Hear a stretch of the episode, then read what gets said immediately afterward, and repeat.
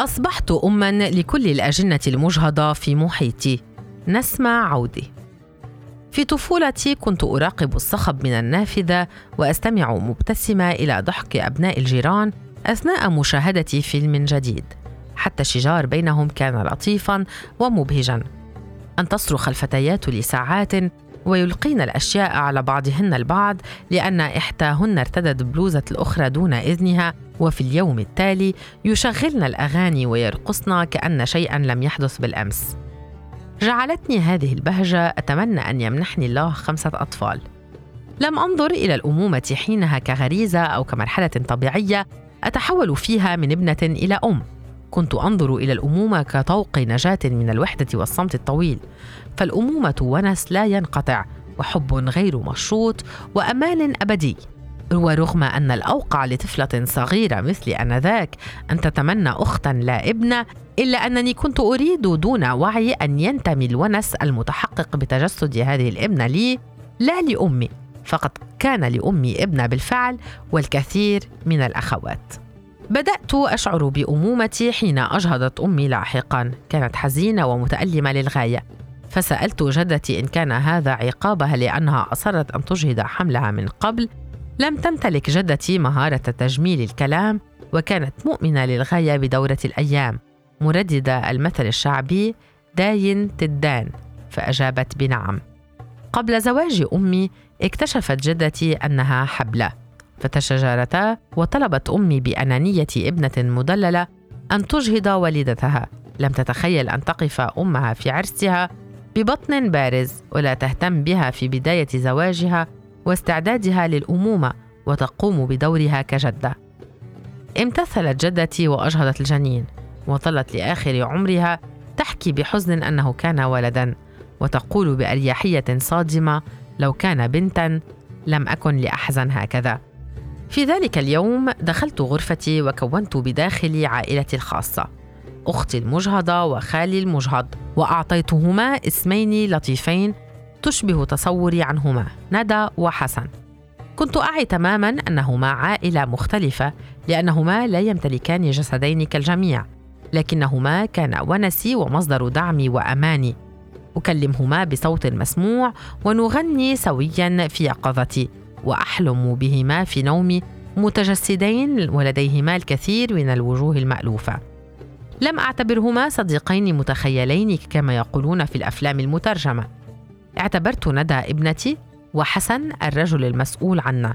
لقد فرحنا وبكينا سويا في الحمام كي لا ترانا أمي. وسافرنا إلى مدن أفلام التلفزيون وأحيانا كنا نسافر عبر الزمن لنعيش في قصر أو نحرر أميرة من الأسر أو ننقذ مدينة من ويلات الحرب.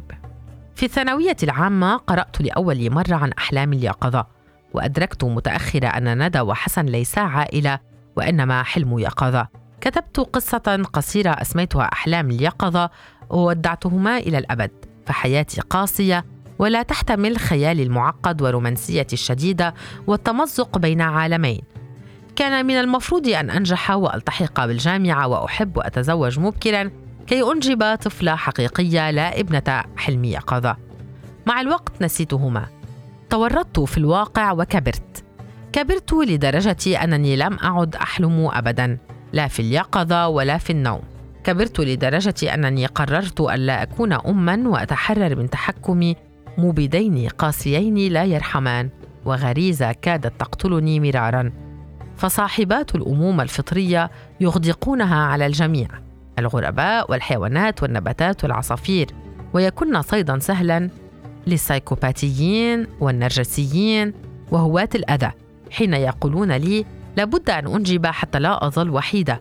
أخبرهم أنني سأتبنى طفلة بعد سنوات حين أبلغ الأربعين لأنني أشعر أن هذه الابنة لم تولد بعد وأنتظرها. لا يتفهمون. يعتقدون أنني أتهرب من المسؤولية. وأبرر رفضي للزواج رغم أنني أجدني مسؤولة أكثر من أمهات كثيرات لا يفهمن الأمومة. فالأمومة وسيلتهن الوحيدة للتحقق كنساء كاملات. أجسادهن سليمة وقوية وحظهن جيد لضمانهن ونسا دائما ورعاية مجانية في نهاية العمر. أعتقد أن الجميع ينجبون كي لا يموتوا وحدهم وكي لا ينسوا سريعا. نعم من الجيد أن تسمع صوتا وقت رحيلك أو تلمح دموعا في عيون تتوسل إليك ألا تغادر وأن تظل حيا عبر آخرين لديهم جيناتك ويحملون اسمك. لكن أليس هذا يخص المنجب وحده؟ لماذا لا أحد يفكر اولا في هذا الطفل؟ ما سيقدم له وكيف سيعيش وأين؟ لا أتذكر أن أهلي قدموا لي شيئا وحين أسأل الأصدقاء أو العابرين لا يتذكر الأغلبية سوى قليل من الحب وقليل من المال وقليل من التفهم القليل من كل شيء. منذ بضعة أشهر هاتفتني صديقة لي لتخبرني بحملها وقبل أن أبارك لها قالت حرفيا أنا مكتئبة ومضغوطة لازم انزله مش حقدر ارعاه مش حقدر أتحمل. يعرف عني أصدقائي تأييدي للإجهاض الآمن. دائما أقول إن لم تستطيعي أن تكوني اما فلا تنجبي. لكن يومها كان القرار قريبا مني فارتبكت. سمعت كثيرا عن أمهات قتلن ابناءهن أو انتحرن بسبب اكتئاب الحمل أو اكتئاب ما بعد الولادة. خفت عليها. لم يوافق أي طبيب على إجراء الإجهاض حيث لا توجد عله صحية. أخبرتهم أنها تعاني من الاكتئاب ولن تستطيع تحمل تكرار تجربة الحمل والولادة.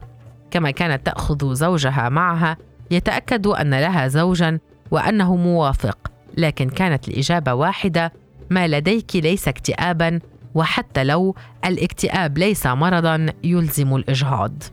بحثت لها عن طبيبة لتجري العملية كي لا تحاول تناول الأقراص المعروفة وتعرض لأي خطر.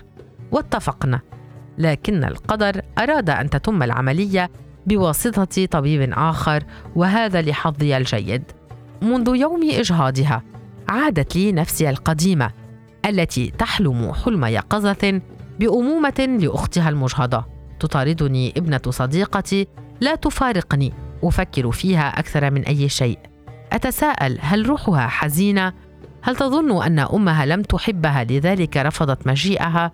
هل تستوعب الروح الصغيرة معنى الاكتئاب أم أنها فقط تحزن لأنها لن تمتلك جسدا ابدا يمكنها من العبور إلى هذا العالم؟ الذي رغم قبحه وبؤسه ومآسيه يظل معجزة. حين حكيت للمقربين مني سخروا من خيال الكاتبه الذي يحركني رغم أنني لم أكن أكتب نصا أو قصة وأعي تماما ما أقول. أنا حقا أشعر بحزن الأجنة المجهضة أشعر باحتياجهم إلى حب أم وإلى مواساة لأنهم لن يجيئوا. أحيانا أرى طيفا ورديا يطير حولي ويلمس خدي كفراشة صغيرة. أحسه هي. أقول لنفسي ربما تتجسد البنت في هيئة شعور. أشعر بوجودها. حكيت لصديقتي أمها وقد تعافت وأصبحت أفضل كثيرا فضحكت وقالت إنها لم تكن جنينا حقيقيا مجرد دماء عمرها شهر وأكدت كالجميع انت خيالية. رغم ذلك قررت أن أمنحها اسما.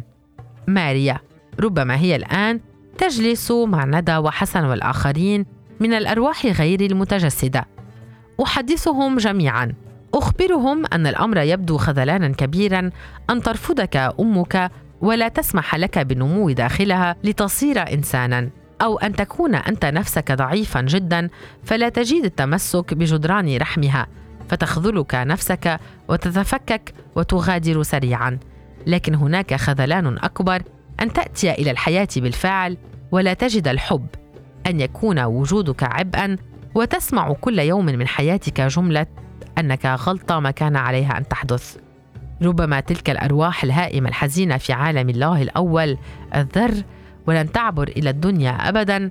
تنظر إلينا بعيون شفافة وتطلب أن نبتسم في وجوههم ونخبرهم أنهم جميلون ويستحقون ما هو أجمل من الحياة. لذلك قررت أن أصبح اما لكل المجهضين أحدثهم وأراعيهم بالتذكر الدائم وأقسم لهم كل صباح أن لا شيء في الحياة يستحق قدومهم لذا عليهم الا يحزنوا فلم يفتهم شيء ابدا.